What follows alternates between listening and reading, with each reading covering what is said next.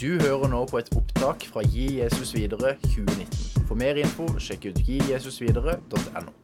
Tusen takk. tusen takk. Veldig hyggelig å få lov til å eh, dele noe med deg. Men først av alt har jeg lyst til å si tusen takk for at du er her i Kristiansand i dag og i morgen. Takk for at du setter av tid, og takk for at du eh, bruker av din fri til, fritid til å komme her for å bli inspirert. Så takk. Snu deg til sidemann, og så sier du takk. For det er noe med at eh, hverdagen er travel, det er mye som skjer i livet, og eh, man går i det vante og det vanlige, og derfor er det fint noen ganger å komme sammen som eh, et større fellesskap og få lov til å møte nye mennesker og høre nytt stoff og hva vi som har forberedt, hva vi har på hjertene våre. Så håper jeg at du har funnet deg godt til rette i eh, Kristiansand her. Og eh, jeg vil eh, utfordre deg til å være sjenerøs på å si hei til folk som er her. Det kan hende at noen kommer her alene, som er den eneste fra sin kirke eller menighet eller forsamling.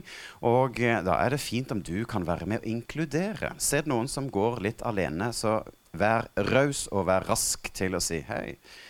Hvor kommer du fra? Ja.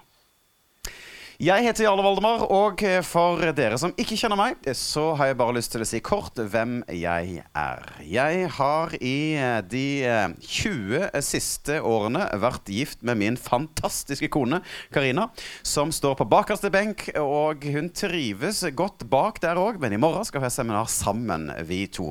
Og vi har stått sammen i tjeneste nå i 17 år, og vi har gjort utrolig mye rart.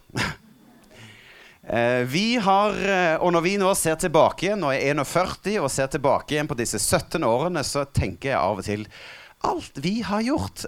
At vi orker! Ja, men nå, jeg skal ikke ta den. Men det vi har gjort, det er at vi har laget eh, noe som kalles for DVD. Det er sikkert ikke noen som har hørt om det nå lenger. Men eh, vi begynte med å først lage musikk. Eh, så ble det til sammen ti album eh, med musikk. Så begynte vi å lage film. Det ble til sammen 15 eh, filmer. Og akkurat nå så jobber jeg mest med å skrive bøker. Og denne uka her så kom da bok nummer 35. Så eh, hva er det vi ønsker å gjøre? Jo, vi ønsker å påvirke, vi ønsker å inspirere, og vi ønsker å være med og gi Jesus videre, slik at barn og unge, og nå voksne da som hovedpastor, å gi en tro som varer. Vi ønsker å få mennesker til å løfte blikket og eh, hjelpe dem til å se at eh, Guds sønn Jesus Kristus, han elsker deg, og han ga sitt liv for deg, og han ønsker å ha en relasjon med deg. Det er bakgrunnen for at det vi har gjort i mange, mange år. Og nå skal jeg ha altså et seminar som heter En tro som varer, og det er fordi at denne boka vi skrev som kom ut denne uka, til denne konferansen, så eh, skal jeg plukke opp noe. Men først av alt har jeg lyst til å vise den her. Jeg syns den her var veldig, veldig artig. Det handler om eh, hvilket perspektiv du ser fra. For det er jo noe slik at eh, hvis du da ser på dette symbolet i midten her, og ser det fra denne siden her, så ser det ut som et nitall. Men dersom du går på denne siden og ser på samme objekt, så ser det ut som et sekstall. Altså, det handler om ulikt perspektiv. Og i dette seminaret skal jeg dele litt. I morgen på Storscenen skal jeg dele litt om det som vi skriver i denne boka 'En tro som varer'. Og eh, vi er jo her med denne konferansen som heter 'Gi Jesus videre', som handler om kirke pluss hjem er lik sant. Altså at kirken har et oppdrag, men òg at hjemmet har et oppdrag. Om å være med og overlevere troen til neste generasjon. Men det kan se ut som om at vårt perspektiv ofte har vært her. At vi har stått og sett at ja, men det er jo kirkens oppgave. Og når vi ser tilbake igjen de siste 20-30-40 årene, så er det mye snakk om kirke. Men hva kan vi som kirke gjøre for å være med og påvirke de unge? Og det som skjer da, det er at hjem på sett og vis blir litt i skyggen av kirken. Jeg tror at vi har vært litt for opptatt av at vi som kirke skal nå ut. Men jeg tror at vi er nødt for å endre perspektivet vårt. Og ta oss flytte perspektivet heller noe opp her. Slik at vi kan si som Ole Brumm ja takk, begge deler. Vi trenger en aktiv kirke som fullfører sitt oppdrag med å være med og peke på Jesus men vi trenger òg at hjemmet tar ansvar. Vi trenger at foreldre blir istandsatt til å leve ut et liv som gjør at barna har lyst til å finne Jesus. Så er det ikke bare foreldrene, så er det ikke bare kirke, men her skal òg selvsagt Gud få lov til å virke gjennom sin ånd for å påvirke mennesker, slik at de velger å tro på Jesus. Så dette er den boka som Karina og jeg da har skrevet, eh, som heter 'En tro som varer', som handler om da det altså foreldrenes mulighet for å påvirke barna. Og På sett og vis så er dette bind to i den boka vi kom ut med i sommer. For i sommer så kom vi ut med en bok som heter 'Slik hjelper barnet ditt til å bli den beste utgaven av seg selv'. Altså, vi som foreldre kan få lov til å hjelpe barna å finne dems styrker og dems svakheter, og være med å trene opp barna, slik at de får lov til å blomstre og bli det som Gud har skapt dem til å være. Så på sett og vis så er denne boka livs livssynsnøytral, men da valgte vi heller å skrive en egen bok som handler om den kristne oppdragelsen. Hvordan vi som foreldre kan være med å påvirke barna. Så fire punkter har jeg lyst til å dele med deg her i dag. Og Det første punktet det er at det er foreldrene som har størst påvirkning. Det er bevist gjennom mange studier at det er foreldrene som har størst påvirkning på barna. Og det gjelder òg dette med tro. Vi har en viktig oppgave som vi trenger å minne hverandre om. Og klart, du har en rolle her, kanskje som en frivillig i en forsamling eller menighet. Kanskje du er en leder, at du er ansatt, eller hva du er. Men vi trenger at flere blir bevisst at vi må istandsette foreldre. Oppmuntre dem, inspirere dem, slik at de kan ta ansvar på hjemmebane. Og et spørsmål er jo Når tok du imot Jesus? Når tok du imot Jesus? Og ifølge denne statistikken her, som er fra Australia, og det er flere andre statistikker som er fra USA, som går i samme mønster som dette her. Og det er at rundt 60% av barn og unge tar imot Jesus i alderen 0 til 14 år. Og så ser vi her at det er 16% i alderen 15 til 19. Så det vil jo si at fra 0 til 19 så ser vi at det er rundt 70% som tar imot Jesus. Og da er jo mitt spørsmål til oss alle hvor er det størst sannsynlighet for at, barne, for at mennesker velger Jesus? Jo, når de er unge. Og noen ganger så kan det virke som at kirka har glemt det. Fordi at vi bruker masse ressurser for hele kirken. Hvis du tenker i din egen forsamling som du er en del av. Øh, hvor mye penger har man da brukt på storfellesskapet, eller er det storfellesskap, eller er det egentlig bare 30 pluss, som er på søndagen?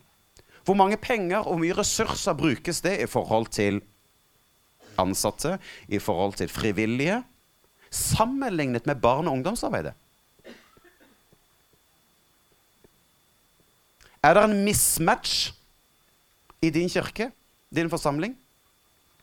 Jeg tror de fleste kan nikke og si ja. Man bruker mindre penger på barn og unge. Men det er jo direkte feil bruk av midler. For når potensialet er størst blant de unge, ja, men da må vi legge mer ressurser der hvor potensialet er størst. Og nå hørte jeg nesten et amen. Takk.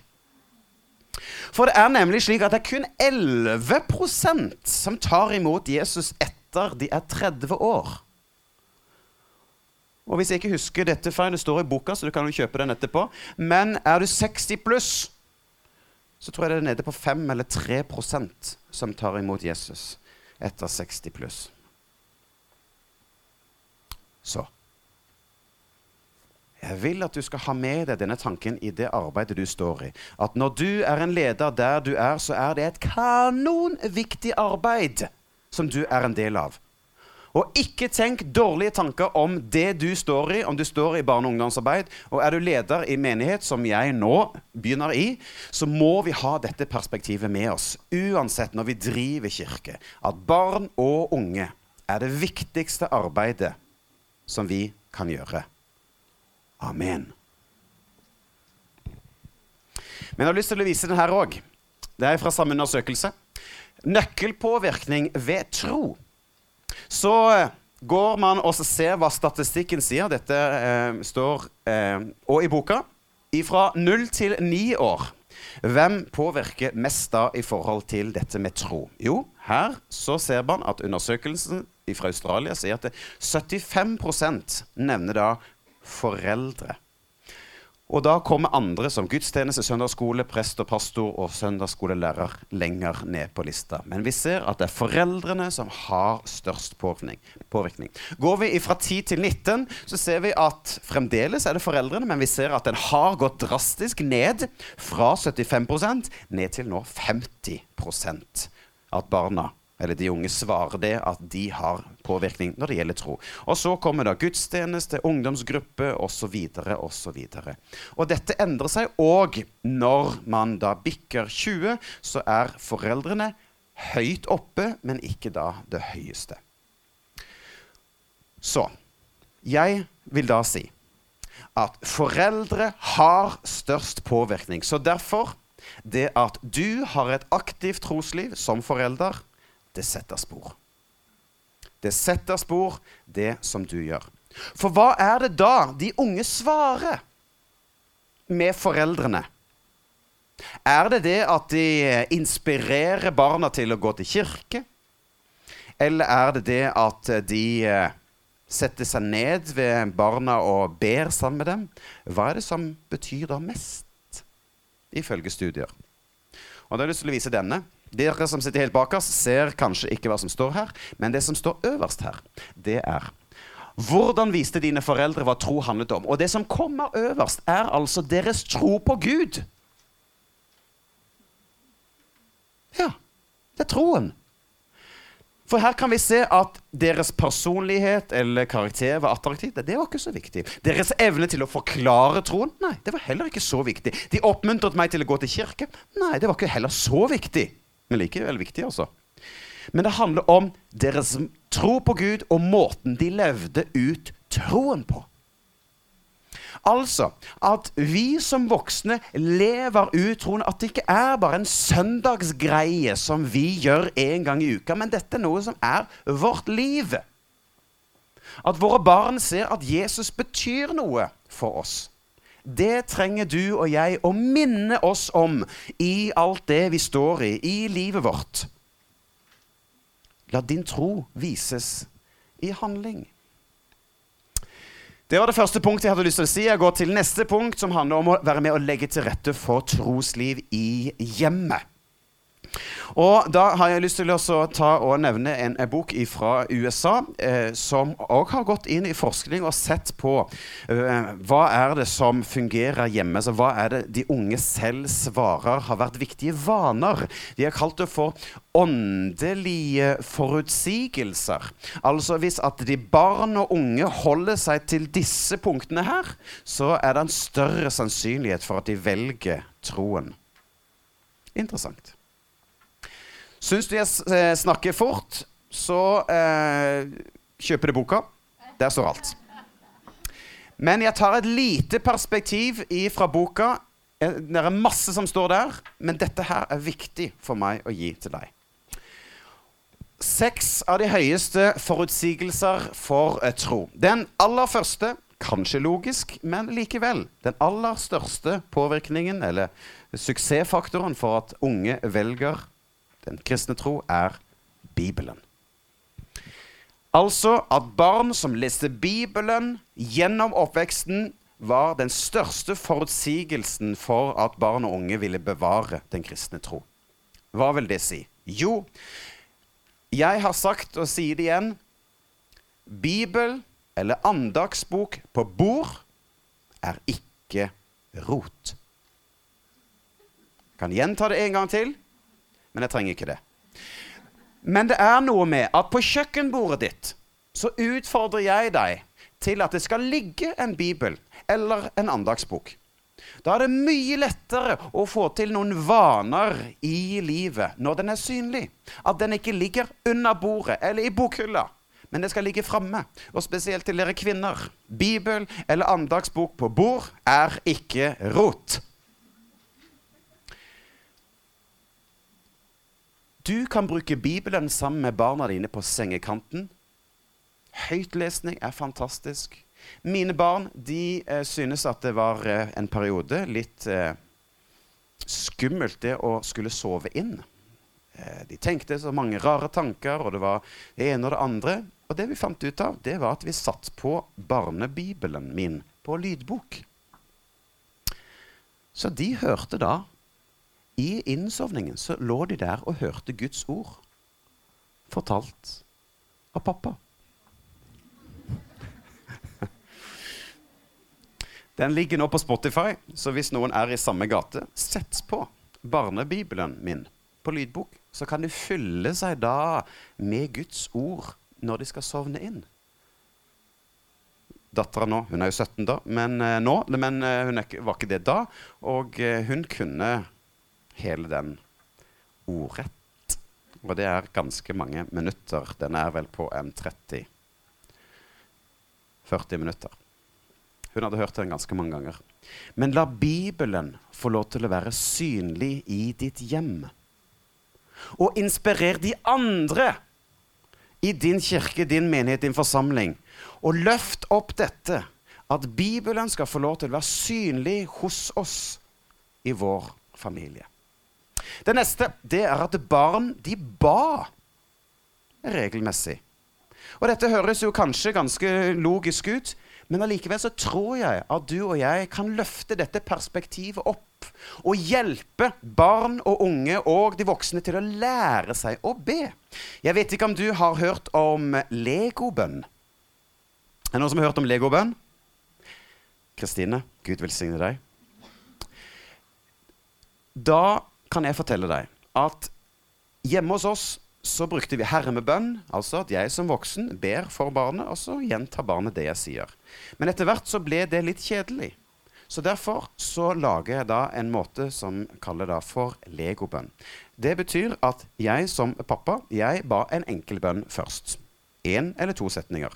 Og da var oppdraget til barnet at de skulle bruke ett ord som jeg hadde brukt. Altså, man skulle bygge på den bønnen som jeg hadde bedt legobønn du bygger. ikke sant? Så da sa da Andreas, som var fire år, som nå er tolv, han sa ja, men da vil jeg bruke Og så sa han det ordet han hadde lyst til å bruke. Og da hjalp det han til å finne ut av hva han skulle be om. Fordi at et barn som er fire år eller ti år, det er ikke alltid like lett å vite hva du skal be om. Og så kan det hende at ja, men pappa han ber så fine, flotte bønner, og så blir det jeg som sier jeg vet ikke hva jeg skal be om. Men da hjelper jeg han på vei til å kunne be.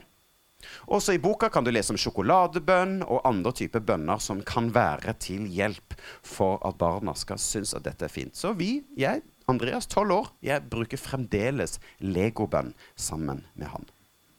Den tredje av disse åndelige forutsigelsene det var altså barn som hadde oppgaver i kirken. Hvor mange her inne hadde oppgaver i kirken før de var 15 år? Opp med hånda. Høyt opp. Se her, det er mer enn halvparten, kanskje 60. 65% av vi som er her inne, hadde oppgaver Kan du ta ned hånda? Hadde oppgaver under 15 år. Hadde jeg tatt 18 år, så hadde det vært enda flere. Men det er noe med at når barn og unge får lov til å tjene, så føler de at de er med på laget. De føler seg hjemme. At jeg er en del av denne kirken. Da jeg var 13 år, så var det en leder som kom bort til meg og spurte Hei, Jarle, kan du tenke deg å spille keyboard? Så jeg sa ja. Altså 13-åringer, de er litt sånn. Da jeg var barne- og, ungdom, nei, barne og familiepastor i Klippen Sandnes, så var det litt det samme òg. Denne gruppa rundt sånn sjette, syvende, åttende klasse, de er veldig tjenestevillige. Spør dem, utfordre dem, og de sier ja. Hvorfor ikke? Det samme var En annen leder kom bort til meg og spurte da jeg var 13 Hei, har du lyst til å være søndagsskoleleder. Jeg sier ja. Hvorfor ikke? Og da tror jeg at Gud han planta et frø inn i meg som gjør at jeg kan stå her i dag. Fordi at noen hadde tro på meg. Noen så at her er det noe. Så kanskje du òg kan ta med deg denne tanken. At du kan strekke din hånd til de som er yngre enn deg, og hjelpe dem i gang. Come on. Du kan eh, begynne som hjelpeleder når du er seks år. Og så kan du være leder når du er 13. Og når du skal ut og studere, så kommer du til et studiested og så kommer du rett inn i tjeneste og får lov til, fordi at du har gått en lang vei i din egen kirke og utvikla deg, og så får du lov å komme til et nytt sted og få lov til å være med å påvirke og inspirere. Og så kan du òg få lov å være med å gi dette videre. De tre neste det handler om at kristen sang og musikk var en del av livet deres. Punkt nummer fem var at de fikk lov til å være med på misjonsreiser og få lov til å se og oppleve at misjon hjelper. Og at den sjette at de hadde da en bestevenn som hadde en, en kristen bestevenn som hadde da en positiv påvirkningskraft på dem. Seks eh, åndelige forutsigelser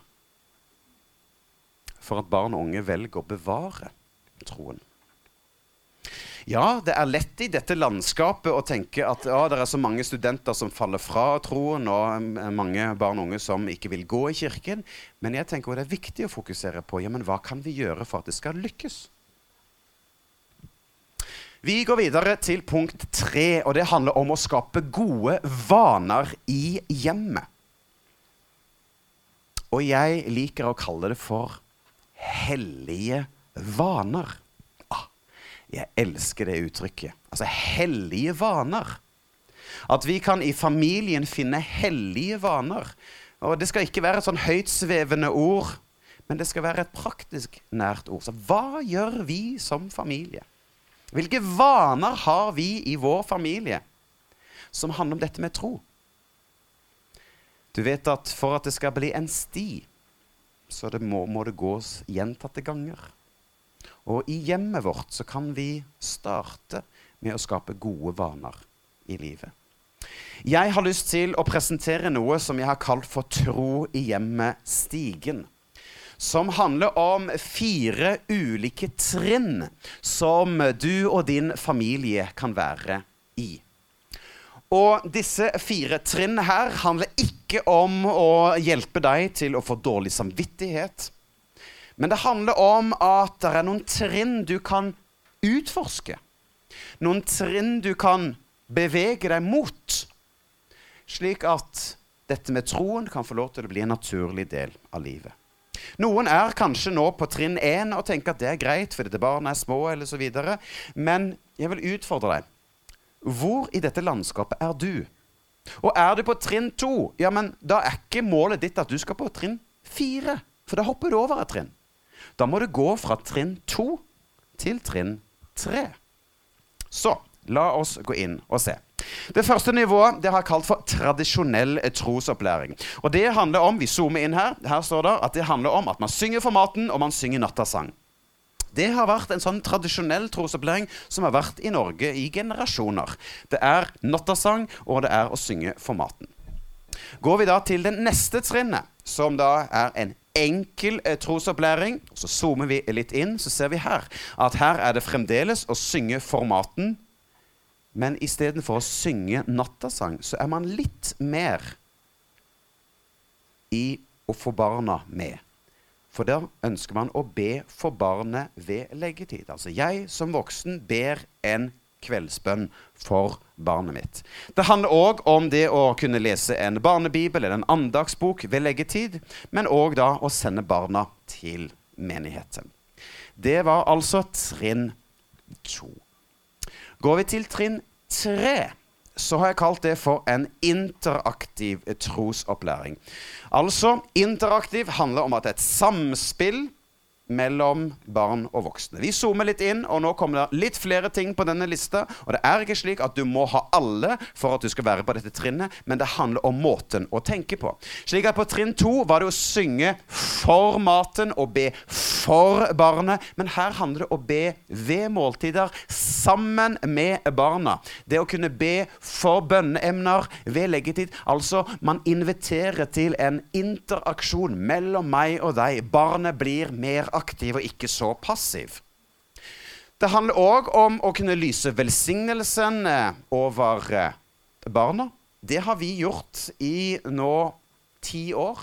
Lagt hånda på pannen på barna våre og si Herren velsigne deg og bevare deg. Herren lar sitt ansikt lyse over deg og være deg nådig. Herren løfte sitt åsyn på deg og gi deg fred. Vi kan være med og nedbe Guds velsignelse over våre egne barn. At de skal få lov til å få en spesiell hilsen fra Gud hver dag. Jeg tror det er noe magisk som skjer. Ja, jeg har lyst til å bruke ordet magisk. Det er noe magisk når foreldre ber for barna. Videre så ser vi at det står her eh, 'lese og snakke om' det man leser i barnebibelen. Her var det at man var litt mer passiv, at man leser for. Men her samtaler man om. Neste punkt er at det står her samtale og det å stille spørsmål om tro. Snakke om det man eh, lærte i menigheten. Man har andagsbok òg ved måltider. Det er ikke bare ved leggetid. Men innimellom så drar man fram en andagsbok. Hør her, vi må lese denne her. Og så står det òg aktiv bruk av kristen media. Og at barna får tjenestegjøre i menigheten. Altså, jeg som forelder tar kontakt med kirka og sier Du, vet du hva? Jeg har lært av Jarle Voldemar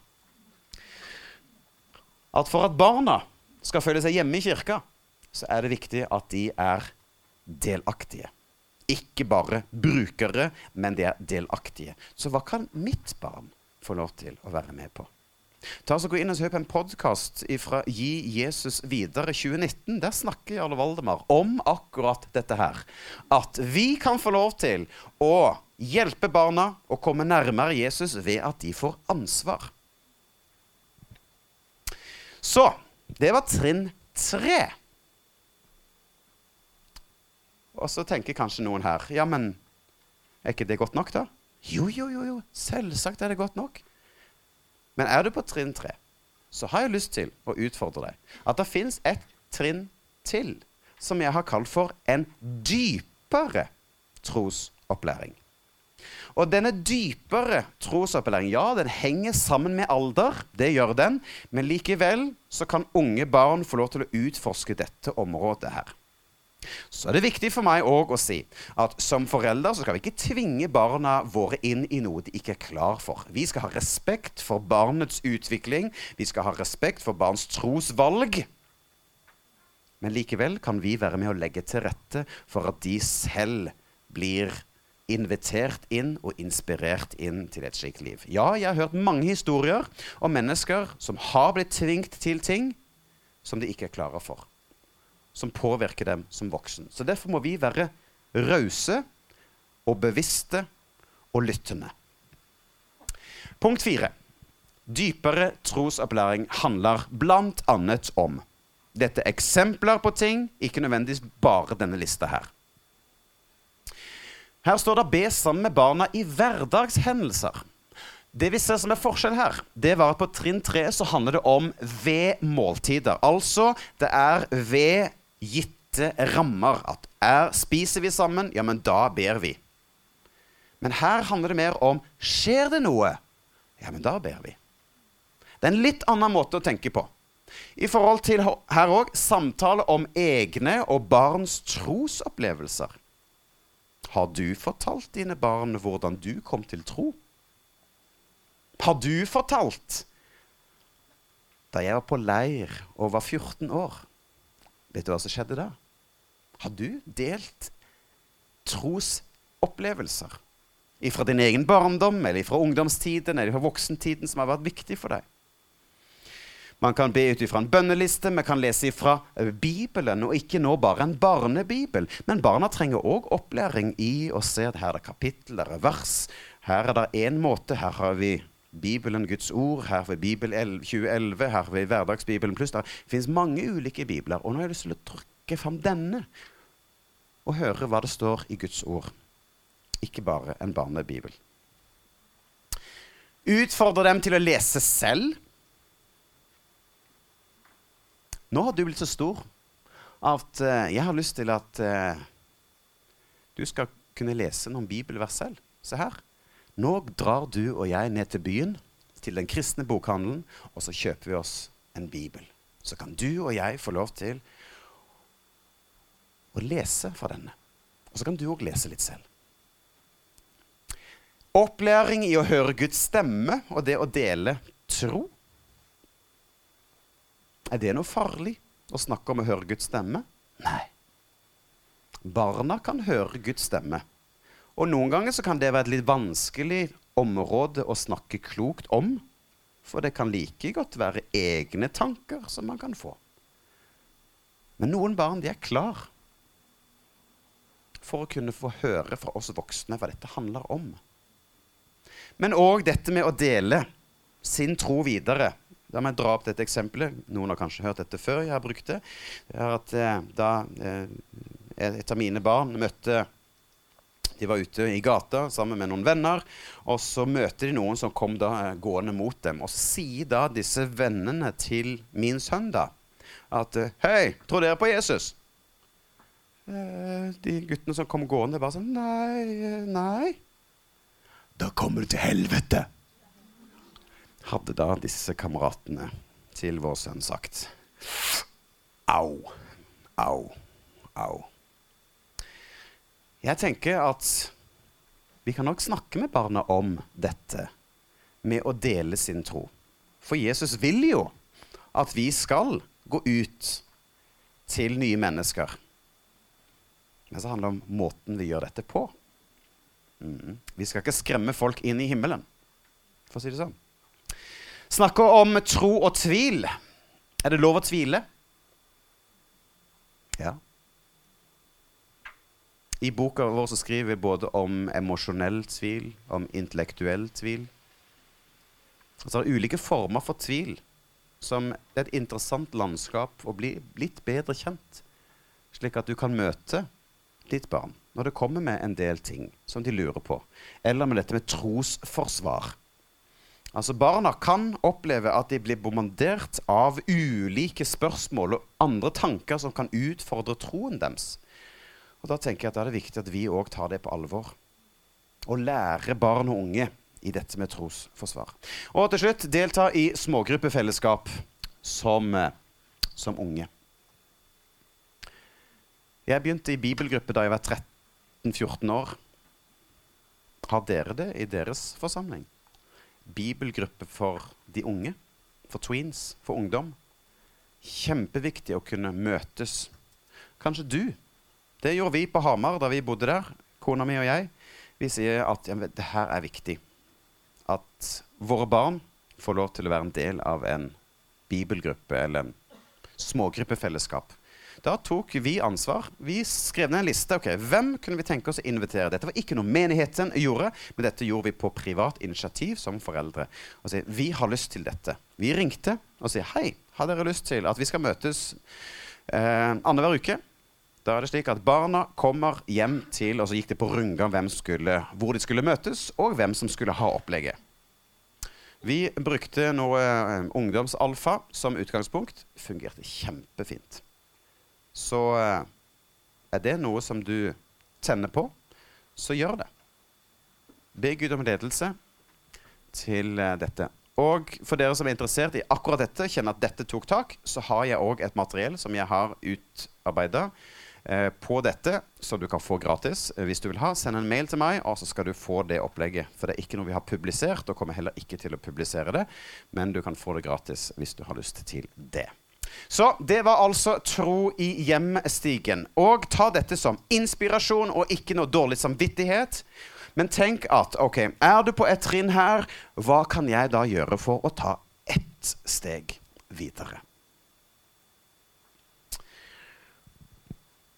Så har jeg lyst til å gå til det fjerde punktet som jeg hadde lyst til å si noe om. Og det var forkynn sant om Jesus. Nå skal jeg komme med en advarsel til dere.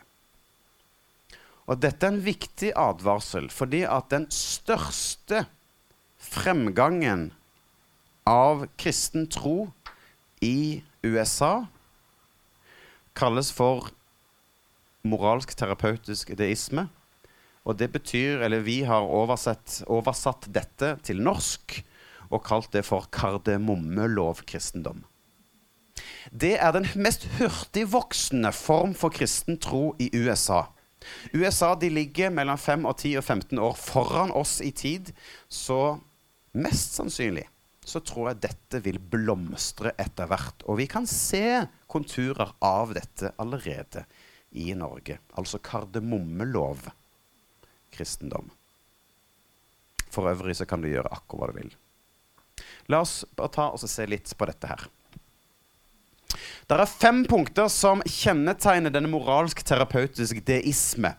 Altså at man har en gud som skapte og opprettholder verden og overvåker livet på jorden. Og legg merke til at det er en G, en liten G. Ikke med stor bokstav, men en liten bokstav. Altså Man tenker at Gud har skapt verden og holder den oppe, men har trukket seg tilbake. Som gjør at Gud er ikke den aktive guden, men den passive guden. Ikke en personlig gud, men en distansert gud. Det som òg kjennetegner det er litt denne kardemommeloven. At Gud vil at alle mennesker skal være gode, hyggelige, rettferdige overfor andre, slik, av, slik de læres i Bibelen og av de fleste verdens religioner. Du skal være grei og snill, og for øvrig kan du gjøre hva du vil. Dette sniker seg inn hos oss. Men òg det sentrale Målet med livet er å være lykkelig og føle seg bra med seg selv. Så lenge jeg har det fint, så går alt bra. Det blir en veldig individualistisk form for kristen tro som handler om meg og mitt og mine. Så lenge jeg får det på min måte, så lenge jeg finner en kirke som tilfredsstiller mine behov, så lenge jeg finner et sted som jeg kan ha det bra, da er det bra. En kirke og menighet handler ikke om å være forbruker. Men det handler om et fellesskap mellom troende. Gud han er ikke involvert i mitt liv, bortsett ifra de få gangene som jeg trenger at Gud bare løser, han bare fikser, han bare ordner et problem for meg. Altså denne passive guden. Og når man roper, så bare forventer man at Gud kommer i min nød og bare fikser og ordner. Men utover det så har jeg ikke så veldig mye med Gud. Og jo, jo, jeg tror at Gud fins. Selvsagt. Men òg at det er de gode menneskene som kommer til himmelen den dagen man dør.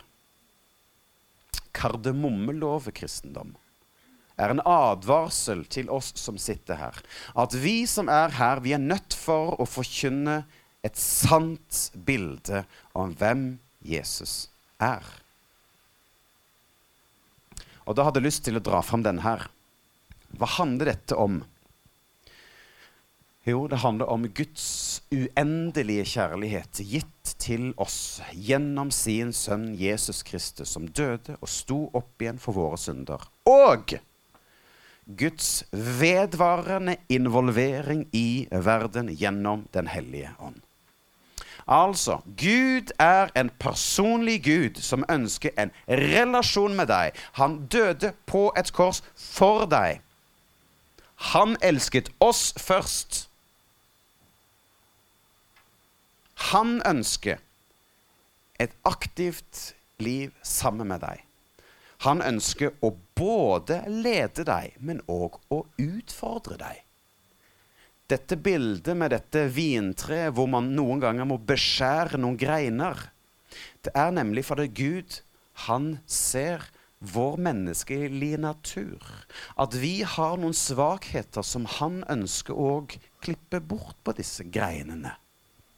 For han vet at det er noe godt som skal vokse fram i oss. Og den prosessen er krevende og vanskelig når Gud tar og beskjærer våre greiner. Men Gud ønsker det beste for oss. Han gjør ikke dette for å skade oss. Jo, det kan føles sånn når vi står midt i dette. Nå merker jeg at denne pastor kommer, og forkynnelsen kommer her. Men jeg vil gjerne at du skal få med deg dette her. At vi må snakke sant om Jesus. Slik at det ikke blir en kardemommelovkristendom vi serverer våre barn og unge. At det blir en sånn livsstilsreligion som vi serverer. Vi må snakke sant om hvem Jesus er, og hva han vil med våre liv. Han ønsker en involvering i verden gjennom deg og gjennom meg.